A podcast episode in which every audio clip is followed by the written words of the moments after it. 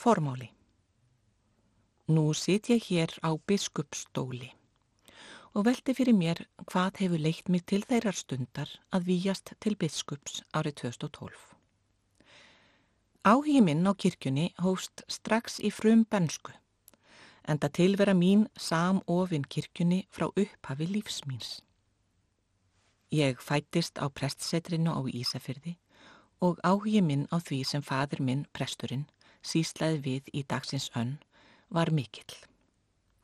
Oft hef ég heyrt sögun af því þegar barnið ég fór til dýra með móður minni þegar bjallan ringdi. Ég var ekki há í loftinu enda ekki nema tveggjára. Á tröppunum stóð verðandi brúkumi og vildi fá að vita hvaða vottorð hann þyrti til að megaganga í hjónaband. Saramanna vottorð læknisvottorð og leifisbref, svaraði ég með minni barslegu röttu og Saramanna vottorðið var að sjálfsögðu Svaramanna vottorð. Skýrnar aðtapnir og hjónavíkslu aðtapnir fóru oftar en ekki fram í stofunni heima, enda prestsetrin þá einnig opinber heimili. Gerstagangur var mikill og snemma var barninu ljóst að lífið er allskonar. Þegar önnur börn leku sér úti eða inni satt þetta barn yfir kirkjubókum og mantölum. Læriði ljóð, innritaði í sumarbúðir eða tók við söpnunarfér til hjálparstafs kirkjunar sem hétt reyndar við stopnum þess hjálparstopnun kirkjunar. Að vísu var einn leikur viðhafður og það var að gifta vinina og skýra dúkurnar. Eftir því sem árin liðu var ljóst að áhugi minn á framtíðarstarfi beintist að því að verða prestur eins og pappi. Allt sem hann gerði var spennandi. Atapnirnar, skrifstofustörfin, fundirnir, já, líka fundirnir. Prófaststörfunum kynntist ég einnig því að fadir minn var prófastur á minni tíð á Ísafjörði. Með honum fór ég nokkrar vísitasjuferðir þegar aldur lefði og stundum fór ég með honum til aðtapna inn í djúb og á fleiri staði. Nokkrar eftirminnilegar ferðir fór ég til dæmis í skýrnaratöfn í vegur þar sem við sildum frá Súðavík á opnum vélbáti með byrni í vegur og í skýrnaratöfn að kirkjubóli í Langadal þar sem faði minn skýrði alnafna sinn sem fættur er á 60 amalans. Forvittnabarni ég tók sérstaklega eftir stemningunni í skýrnarveislunum. Þar sem fullorna fólkið kunni svo sannarlega að meta að koma saman af gleðilegu tílefni. Aldrei gleym ég ferðin okkar pappa að hesti í hestfyrði. En þar bjó fjölskylda sem tilheyrði Ísafjörðarprestakalli. Þá var verið að leggja veginn inn í djúb. Bronkóinn komst yfir kampsnissið og inn ruðningin í seyðisfyrði og upp á eyðið milli seyðisfjörðar og hestfjörðar. Þaðan gengum við út með hestfyrðinum og fengum góðar móttökur á hesti. Húsmóðurinn Sigurborg Árni Guðmundsdóttir bakaði pönnukökur sem runnu ljúflega í maga. Þau hjón fluttust síðar til Súðavíkur og lést Sigurborg í snjóflóðinu þar í janúar 1995. Stundum kom það fyrir að börn innan úr djúpi dvöldust um tíma á prestsetrinu og læruðu fyrir fermingu. Einn þeirra var barði Ingi Bjartsson frá hesti í hestfyrði. Ára týjir liðu þar til ég hitti hann aftur en hann er nú sóknar nefndar formaður í Súðavík á samt mörgu fleiru. Þannig bankar fortíðin upp á við hinnar skemmtilegustu aðstæður. Ég man líka þegar Sigurbjörn Biskup kom vestur. Það var ætið fagnaður efni þegar hann og þau hjón komu í heimsókn. Þá er ekki gist á hóteli heldur let blessaður biskupin sér næja að sofa á dívaninum sem var á skrifstofunni á pressetrinu. Þannig var í þá daga. Einu sinni þegar Sigurbjörn vísitiraði fyrir vestan hafði pappi fengið gerald á mánakaffi til að ná í biskupin inn í djúb. En pappi komst ekki heim með bílinn því vegurinn var ekki komin inn djúpið. Bílinn komst með fagranesunu inn í ögur, melgraseyri, arngerðareyri eða inn í bæi. Ef keira átti heim var það fara yfir Þorskafjörðarheiðina og áfram norður eftir kjálkanum, yfir heiðarnar og til Ísafjörðar. Við fríða sýstir mín fengum að fara með Gerald inn í djúb því við vildum fara að skerðingstum. Mm, við, við fríða sýstir mín fengum að fara með Gerald inn í djúb því við vildum fara að skerðingstöðum þar sem pappi var fættur og upp alinn og bræður hans byggu. Þángað var alltaf farið á hverju sumri. Prestslegu uppeldi mínu fylgdu því ferðalög sem beinlínis voru tengd starfi föður míns og ekki mingaði það áhuga minn á kirkjunni, starfi hennar og þjónstu. Það liðu 22 ár frá því fadir minn let af prófaststörfunum þar vestra árið 1977 þar til ég tók við sem prófastur í Ísafjörðs prófaststæmi, síðar vestfjörðaprófaststæmi, eftir saminningu við Barðastrandarprófaststæmi 2005 og Strandasíslu 2010 sem var þá hluti af Húnavasprófaststæmi. Það var gaman að lesa í fundargerðabókum og vísi tassíugjörðum frá fyrir tíð og ekki sakaði að fá að sjá skriftin hans pappa. Það hefur líka komið sér vel í pressstarfinu og síðar biskupsstarfinu af að numið fræðin í tónlistarskóla Ísafjörðar. Það tónlistarlega uppeldi hjá Helgu Helgadóttur, Messíunu Marseljusdóttur og Ragnar Há og Sigriði konu hans hefur aldeilis komið að gagni. Það er ekki bara það að læra á píjanó, tónfræði, hljónfræði og allt sem tónlistanámi fylgir. Heldur líka sá siður þar vestra að spila vikulega á samæfingum fyrir kennaranna og samnefnendöðna. Sá ægi sem tónlistanámi fylgir er líka góður grunnur fyrir lífið sjálft. Þegar ég var barn sá ég fyrir mér að eiga og reka verslun eins og Rósa Fridriksdóttir í Súðafík. Á það heimili kom pappi alltaf eftir messurnar í Súðavík, spjallaði við Áka Eggertsson og þáði veitingar hjá Rósu. Oftar en ekki var ég með í för og draumurinn var að verða eins og Rósa þegar ég er þið stór. Á sunnutugum var búðin lokuð en fólkið gerði vart við sig baktir að megin ef það vanhagaði um eitthvað. Rósa fór þá fram í búð og náði í vöruna. Þetta fannst mér reyn snild og svona ætlaði ég að verja lífi mínu. Annað sem ég hafði hugsað mér að gera eftir stúdensprófið var að læra bókasapsfræði sem þá var farið að kenna í háskólanum. Ég er alin upp á bókasapninu á Ísafyrði og þekkti þar hvern krók og kema. Þar lærði ég að lesa hjá Haldóru Ólasinni sem þar var bókaverður. Þangað fórum við sístur veturinn fyrir fyrsta bekk í barnaskólanum og lærðum að lesa með bandprjóns aðferðinni. En ég var ekki aðeins milli bókahillnana þarna niður frá. Ég sá einnigum að brjóta saman bladið vestfyrðing sem Haldur rítstýrði og sendi til áskrifenda vitt og breytum vestfyrðu og víðar. Ég hóf þetta starf svo lítil að það varð að setja bókastapla undir mig til að ég næðu upp á vinnuborðið. Þarna áttaði ég mig á því að það voru ekki allir eins og letu lífið misjöfnum augum. Þau sem höfðu svipaða lífsín áttu eitthvað sameinlegt, í þessu tilfelli blaða sósialistanna vestfyrðing. Þegar ég var búin með fyrsta bekk í mentaskólanum og Ísafyrði ákvaði ég að læra guðfræði. Ekki vegna þess að ég vildi nema fræðin sérstaklega, heldur vegna þess að það veitti mér aðgang að þjónustu í kirkjunni.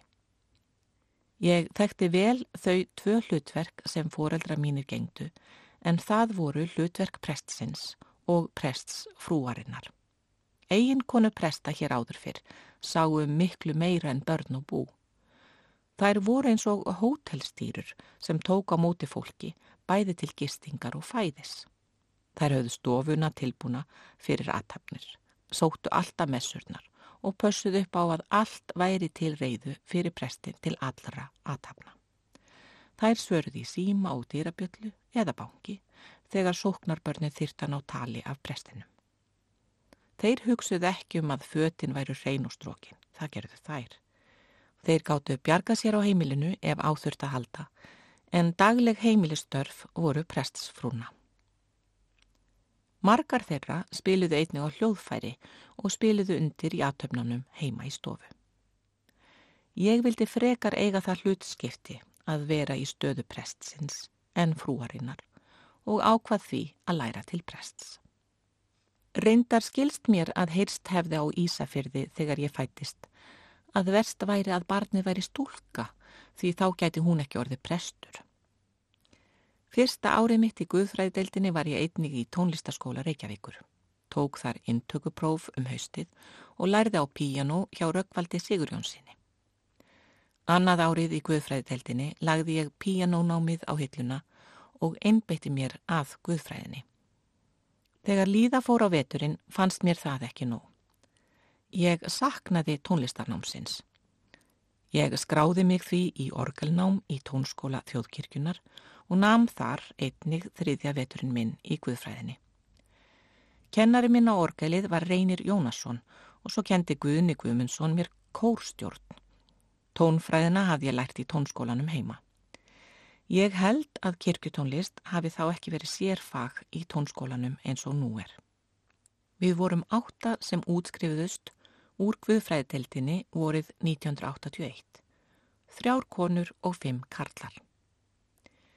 Þegar ég hóf þar nám voru tvær konur fyrir í deildinni sem hugðu á kant teolpróf en tvær höfðu brauðskrást löngu áður. Við vorum þrjár sem innrituðumst þetta höst. Nokkrar konur voru auk þess í bakalárnámi sem nýlega hafði verið bóðið upp á en það veitir ekki ennbættiskengi. Þegar ég hafði ákveðið að verða prestur sagði faði minn presturinn við mig að mér væri þá ætlað að vera þjótt en ekki herra. Þessi hugmynd um prests hlutverkið kom því úr foreldrahúsum og ég hef borið hana með mér ætið síðan. Því miður var fadir minn látin þegar ég výðist til prests. En hugmyndir mínar og vera mín sem kirkjunar þjótt eru sprotnar af uppbruna mínum og þeirri mótun sem námið í Guðfræðitildinni færðu mér. Á námsárum mínum þar kynnti sér að auður eir Vilhjálmsdóttir okkur konunum í deldinni fyrir Guðfræði sem hún hafði kynst hjá lúterska heimssambandinu þegar hún sóti ráðstefni eða viðburð á vegum þess. Sú Guðfræði hefur verið nefnd Kvenna Guðfræði og hefur hún mótað hugmyndi mínar um Guð, mann og heim æg síðan. Ég er alin upp við að líta á alla menn jöfnum augum. Engin er öðrum fremri á veraldlega vísu. Virðing skal borin fyrir öllum, óháð stjætt og stöðu. Oftar en ekki var mér ókunnugt fólk í stofunni heima, sem ég hafði ekki hitt áður. Öllum skildi heilsa með handabandi og neyingu.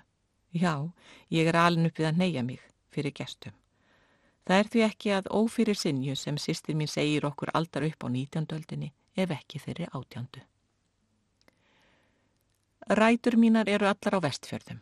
Agnes föðurama mín var fætt í Steingrimsfyrðinum og Kristján föðurafi minn í Þorskafyrðinum. Ættir þeirra begja likja í Reykjólasætinni. Ranveig móðurama mín var fætt í Leirufyrði í Jökulfjörðum og Hagalín móðurafi minn í Reykjarfyrði.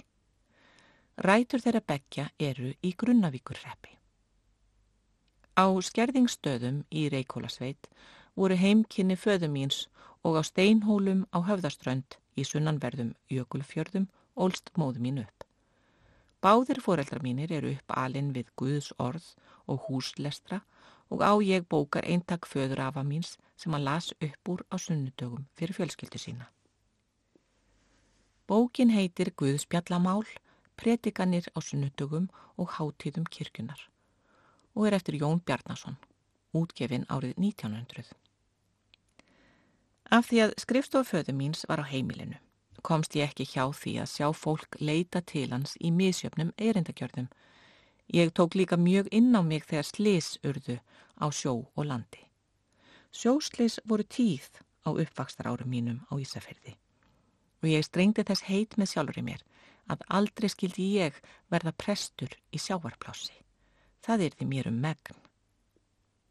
Prestar landsins fengu litla hjálp þegar áföll urðu sem rötuðu inn á þeirra borð. Áfalla hjálp var ekki þekkt og ekkert teimi kom milli hinn að háu fjalla þegar sorgin bankað upp á. Jafnvel hjá mörgum fjölskyldum í einu. Það reyndi því oft á prestin sem mannesku, ekki hvað síst þegar vinir og samferðafólk áttum sárt að binda. Þegar ég laug námin í Guðfræðideildinni voru 1981 voru ekki margir möguleikar í bóði til að výjast til prests. Það vantaði prest á örf fáastaði út á landi en ég hafði ekki tök á því á þeim tíma að yfirgefa höfuborgina af fjölskyldu ástæðum. Það var ekki sóst eftir Guðfræðingum í vinnu annar staðar en í þjóðkirkjunni. Ég fór á fund Biskups Íslands, Sigur Björns Einarssonar, þeirra erinda að spyrja um möguleika á starfi í þjóðkirkjunni. Á mánudegi, þó nokkru síðar, fekk ég símtal frá honum þar sem hann spurði mig hvort ég vildi výjast sem æskulísfulltrúi þjóðkirkjunar næsta sunnudag.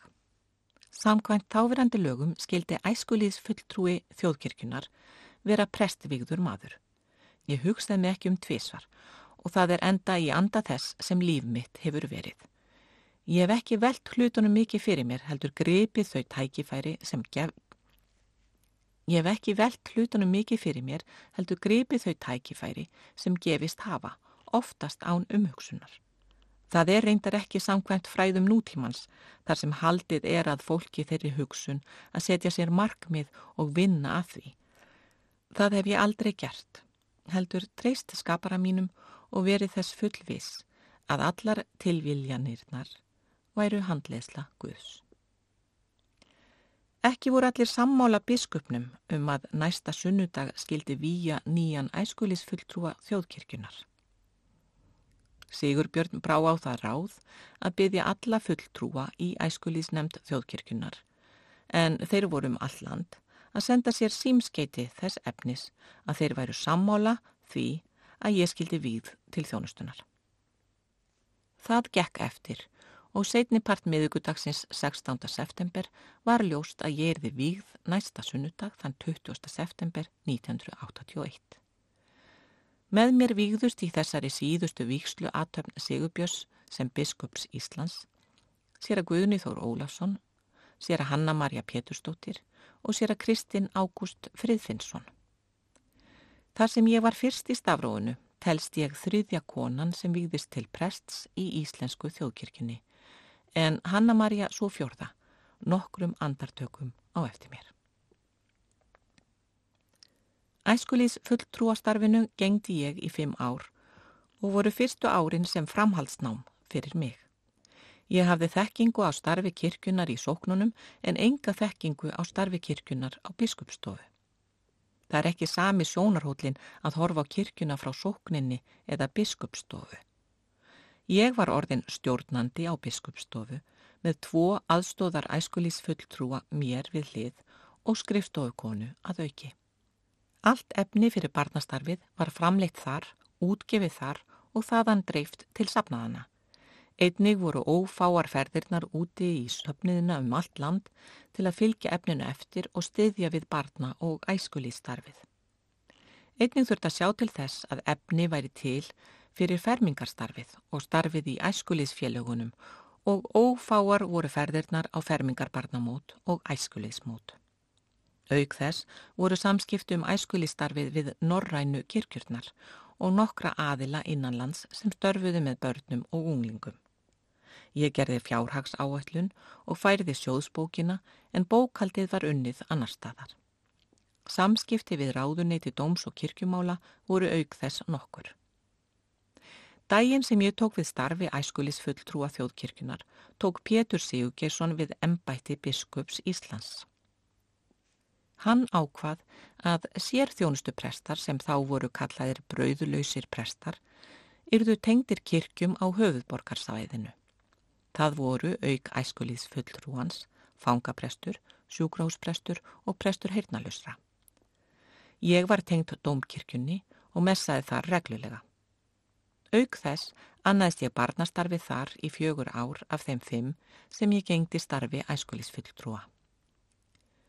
Næstu árin gengdi ég prests þjónustu í Kvanneirar prestakalli í Borgarferði og var fyrsti kvenkinspresturinn sem þjónaði í borgarferði. Í prestakallinu voru fjórar sóknir. Í þremur þeirra, kvanneirarsókn, bæjarsókn og lundarsókn, var reglulegt helgihald en Fytja kirkja var í viðgerð þar til síðasta mánuðin sem ég þjónaði þarna. Einn guðstjónsta fór þó fram í sókninni ár hvert í stálpastadarrjóðri í Skorradal um mitt sumar. Sapnaðarstarfið í Kvanneirar prestakalli var hefðbundið, guðstjónustur, barnastarf, fermingastarf, biblíulestrar og kvennastarf. Tvö verkefni voru sameileg fyrir allar sóknirnar. Annars vegar opið hús einu sinn í mánuði yfir vetratíman og hins vegar aðvendu samkoma í brún í bæjarsveit.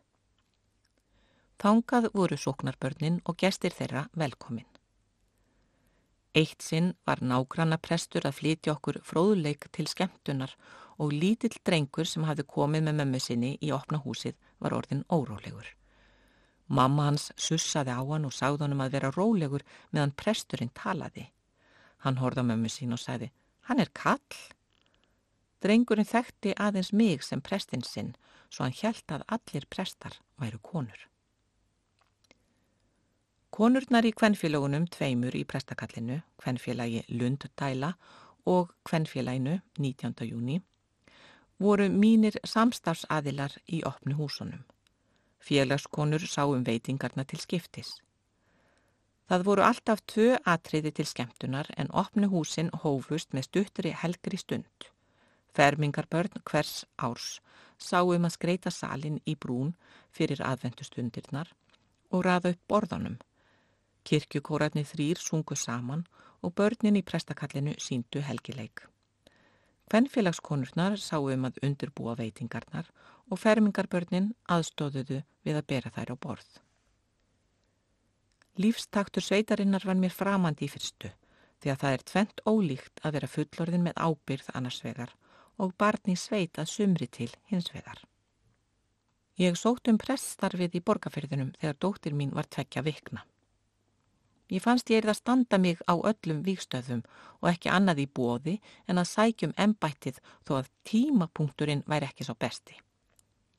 Þá var sá háttur hafður á að sóknarbörnin kusu prestin í almennri kostningu. Ég messaði í kirkjunum þremur og þar sem ég var ekki í góðri aðstöðu til að kynna mig fyrir söfniðinum með heimsóknum, brá ég á það ráð að taka með mér kaffi og kökur, mömmu og tengdamömmu. Eftir messutnar fekk ég að bjóða til kirkjukaffis í félagsheimilinu í Lundareikjadal og Bæjarsveit og í bændaskólanum á Kvanneiri. Þar kynnt ég mig og fjölskyldu mína, mannin minn sem er tónmentakennari og organisti, sex ára són minn og nýfætta dóttur mína.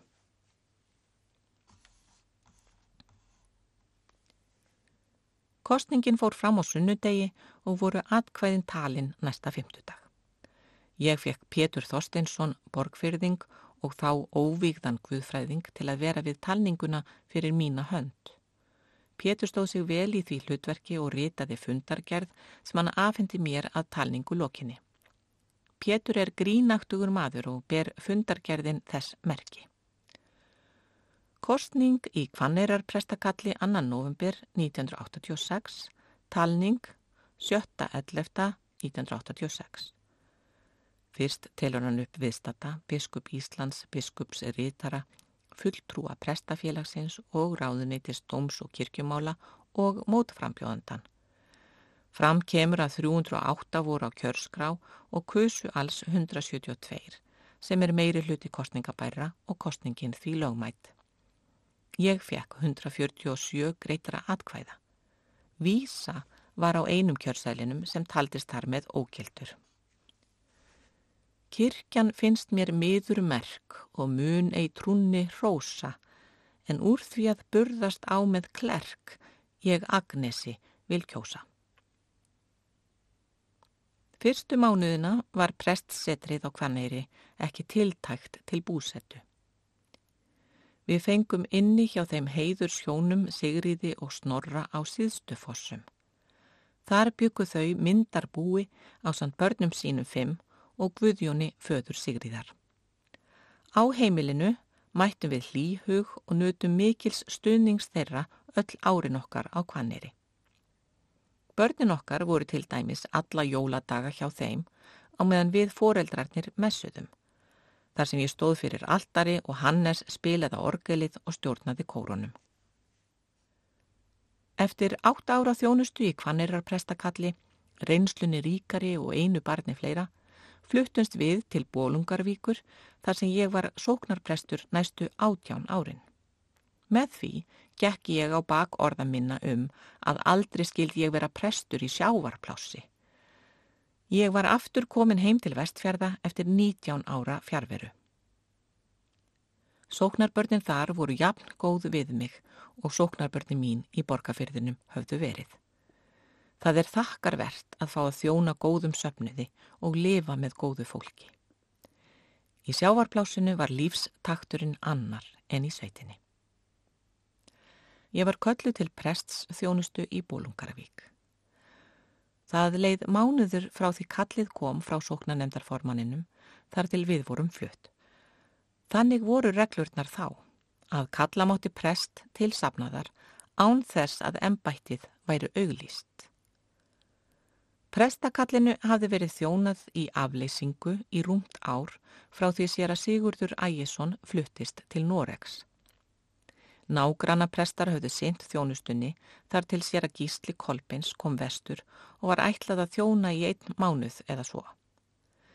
Mánuðnir hans þar vestra urður reyndar tíu.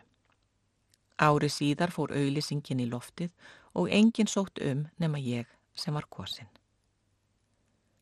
Lengst af var prestakallið í Bólungarvík aðeins ein sókn, húlssókn.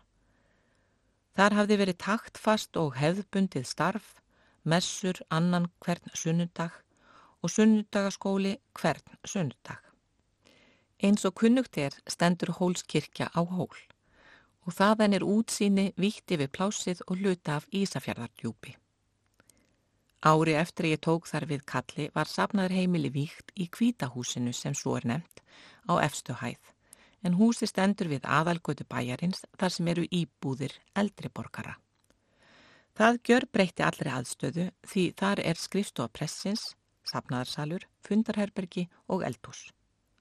Á minni tíð fóru erfiðrykjur þar fram og oftar en ekki fermingar, skýrnar, brúköps og ammælisveislur. Þannig nýttist safnaðarsalurinn ekki engungu til kirkjulegs starfs. Ég þekkti þó nokkuð til í Bólungarvík vegna nálægðarinnar við Ísafjörð. Það hafði orðið gjaldþrótt hjá stóru og grónu fyrirtæki í plásinu einu og hálfu ári áður en ég kom. Andrúnsloftið bar þess merki að áfall hafði dunið yfir. Fólk hafði reynd að setja starfsemi á fót í húsi fyrrum fyrirtækis en það hafði ekki búrið árangur. Það var eins og vonleysi lægi í loftinu. Það tók nokkur ár að koma atvinnumálum í viðunandi horf, meðal annars með því að sjómennirnir keiftu báta til dagróðra. Þar til ég kom vestur aftur hafði ég litið þannig á að fjöllin vernduðu okkur fyrir veðri, vindum og öðru því sem okkur geti stafað ógn af. Það var því einkennileg tilfinning sem greip mig snemma morguns 16. janúar 1995. Eftir rúmlega þryggja mánada búsettu í Bólungarvík. Þegar síminn ringdi og á línunni var nágrannaprestur sem sagði mér að snjóflóð hefði fallið úr hlýðinni fyrir ofanbyggðina í Súðavík og verið væri að leitað fólki sem hefði orðið undir flóðinu. Ég hafði sagt fjölskyldu minni áður en við fluttumst vestur að nú gætu þau átt von á því að reyna vestfyrska stórrýð. Hún kom svo sannarlega og stóð yfir í marga daga. Ég held ég hafi sjaldan reynt annan eins veður ham. Það snjóaði svo mikið á stuttum tíma að allt fór á bóla kaff og vart hægt að ná andanum ef farið var út fyrir húsins styr. Rafmagni fór af eins og við var að búast og það bjargaði miklu að hafa útvarp með raflöðum svo hægt væri að fylgjast með fréttum. Ekki var viðlit að komast eitt nýja neitt fyrir en eftir nokkra daga. Sama ár fjall flóðið á flateyri eins og kunnugt er. Þetta var ekki í fyrsta skipti sem snjóflóð kom úr hlýðum fjallana fyrir vestan, en það hafði ekki gerst lengi og fáir sem höfðu reynt það af íbúum plásana. Snjóflóðin höfðu mikil áhrif eins og gefur að skilja, líka fyrir fólkið í nágrannabygðunum. Íbúar í efstu gödum plássins þurftu ítrekkað að farað heiman á örugari staði þegar mikið snjóaði. Eftir að snjóflóð fjall á húsin í efstu götunni í Bólungavík var ljóst að ekki var örugt að búa þar. Nokkrum árum síðar voru þessi glæsilegu hús fjarlægð og varnargarður settur þar sem þau stóðu. Að vera prestur mótar sjálfsmyndina eins og eftir vil flest störf. Bólungarvíkur prestakall varð til árið 1925 en þangað til hafði sókninni lengst af verið þjónað frá Ísafyrði. Presturinn hafði því verið sá eini með þann starfstitil í plásinu í nokkra mannsaldra. Óhjákvæmilega mótast sjálfsmyndin af þessu því að hvar sem ég kom og var áverpuð var ég séra Agnes, þóð ég væri þar í eigin nafni en ekki sem presturinn. Dæmum það var þegar ég var í dómnefnd í karaoke keppni Þá var dómnefndin kynnt þannig, Sosa, Benny Sig og sér Agnes. Þó ekki væri ég tilnefnd sem presturinn heldur ég sjálf. Ég hef tekið þátt í félags- og menningastarfi á þeim stöðum sem ég hef þjónað en það finnst mér það sjálfsagður hlutur að mæta fólki þar sem það er statt í lífi og leik. Það hefur einst mér skemmtilegt og gefandi. Það er þakkarvert að fá að lifa og starfa með góðu fólki. Ég taldi mig þekka kirkjuna bísna vel frá fleirum en einum sjónarhóli þegar ég gaf kost á mér til þjónustunnar sem biskup Íslands í byrjun árs 2012.